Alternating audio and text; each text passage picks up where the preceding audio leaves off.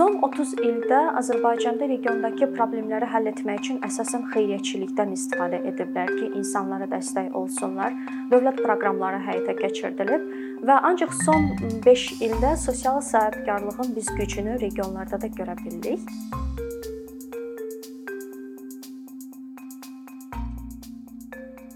Biz əgər sosial sahibkarlıq haqqında danışırıqsa, mütləq biz biznes sahibkarlıq, startap və sosial sahibkarlığın anlayışlarının fərqləri haqqında danışmalıyıq. Məsələn, biz biznes haqqında danışırıqsa, biz almanı hər hansı bir yerdən ucuz qiymətə alıb kiməsə daha baha qiymətə satırıqsa, bu biznes adlanır. Burada əsas məqsəd pul qazanmaqdır.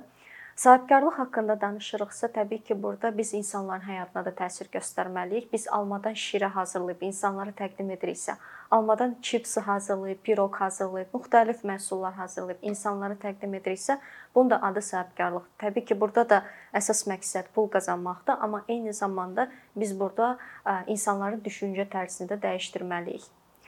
Startap haqqında danışırıqsa, təbii ki, burada biz almanı satırıqsa, biz burada texnologiyalardan istifadə edirik. Mobil tətbiq və ya da hər hansı bir sayt vasitəsilə biz onlayn ödəniş edirik. Həmin alma gəlir bizim qapımızın yanına. Biz artıq gedib növbədə durmuruq, marketə getmirik və bunun da adı startapdır, çünki onun əsas məqsədi insanların həyatını asanlaşdırmaqdır.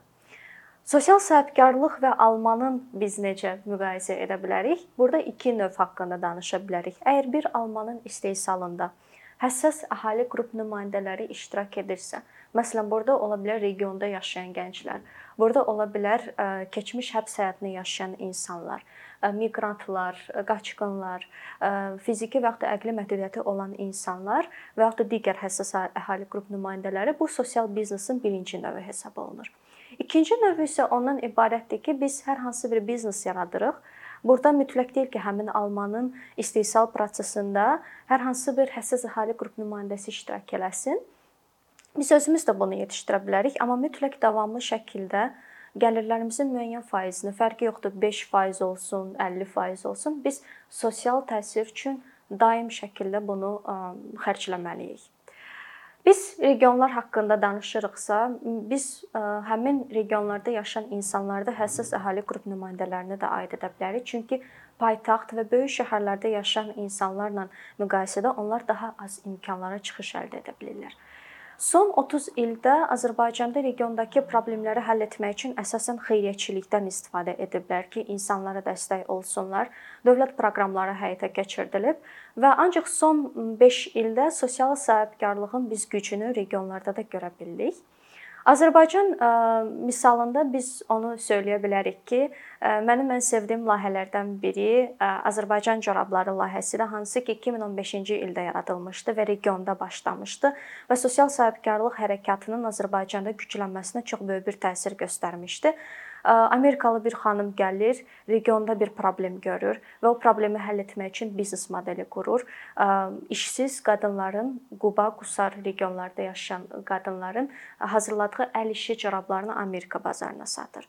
Digər nümunə Lənkəranda yerləşən Tor kafe nümunəsidir, hansı ki bir gənc Lənkəranda bir problem görür. Gənclərin toplaşdığı bir yer yoxdur Lənkəranda. Bu böyük bir boşluqdur və o böyük bir icma yaratmaq istəyir Onun məsələn böyük tanışları yoxdur, böyük maliyyə resursları yoxdur ki, həmin kafeni açsın və o crowdfunding üsulundan istifadə edir. Kütləvi iyanələrə əl atır ki, insanlar dəstək olsunlar və öz gücü ilə həmin kafeni açır, biznes qurur, satışlardan əldə olunan gəlirlərlə eyni zamanda gənclər üçün pulsuz təhsil imkanları yaradır. Üçüncü sizə söyləmək istədiyim də həmin layihələrdən biri Geeky Knitings layihəsidir, hansı ki Masallıda olan qadınların işsizlik problemini həll edir. Azərbaycan corabları biznesi ilə bir qədər eyni missiyaya malikdir, amma onu Azərbaycanlı xanım yaratmışdı. Avropada təhsil alandan sonra qayıdıb Azərbaycana problem görüb istədi ki, Masallıda bu problemə tamamilə fərqli bir yanaşma ilə əl atsın və həmin xanımların hazırladığı toxunma əl işlərini də o da xarici satıcılar üçün satışını təşkil edir. Regionda sosial sahibkarlıq nəyə görə vacibdir? Biz əgər UEFA təşkilatının məktəbin brendini də götürsək, hansı ki, onun əsas məqsədi birincisi regiondakı qadınların iş izli problemini həll etməkdir, onları müəllim kimi yetişdirərək. İkincisi isə uşaqların, xüsusən ucqar kəndlərdə yaşayan uşaqların keyfiyyətli, beynəlxalq standartlara uyğun məktəbə qədər təhsil sisteminə əlçatanlığını təmin etməkdir. Biz görəcəyik ki, bütün bu sosial biznes layihələrdə ən vacib təsir icmanın quruculuğunda ibarətdir. Biz bir millət olaraq, Azərbaycan milləti olaraq bir problem görəndə biz bir yerdə birləşirik. Və sosial sahibkarlığın da əsas böyük rollardan da ibarət, ondan ibarətdir ki, biz həmin problemləri qısa müddətli deyil, uzun müddətli yanaşırıq. Biz insanlara təhsil və iş imkanları yaradaraq həmin problemi səbəbini araşdırırıq, onların fikirlərini öyrənirik. Özümüzü yekəxana aparmırıq. Çünki çox vaxtı xeyriyyəçilikdə və yaxud da qısa müddətli sosial layihələrdə biz düşünürük ki, biz hər kəsdən ağıllıyıq, biz təhsilliyik və biz istəyirik ki, kiməsə dəstək olaq. Amma regionlara biz gedərkən biz çox vaxtı həmin yerli insanların fikirlərini öyrənmirik. Biz büdcə xərcləyirik və biz istəyirik ki, onların həyatına təsir göstərək. Xoş niyyətimiz var, Amma düzgün olmayanda bu proses, təbii ki, onun heç bir nəticəsi yoxdur. Sosial sahibkarlığın da xeyriyyəçilikdən əsas fərqi ondan ibarətdir ki, biz regionda hər hansı bir işi qurmaq istəyiriksə, mütləq burada biz insanların fikirlərini öyrənməliyik, empatiya qurmağı bacarmalıyıq. Çünki biz ancaq insanlarla düzgün ünsiyyət qurandan sonra biz həqiqətən də həm onlar üçün faydalı işlər görəcəyik, həm öz biznesimiz üçün də müəyyən uğurlar əldə edəcəyik. Əkinçinin yeni videoları haqqında məlumatlı olmaq üçün kanalımıza abunə olmağı və xəbərdarlıq funksiyasını aktivləşdirməyi unutmayın.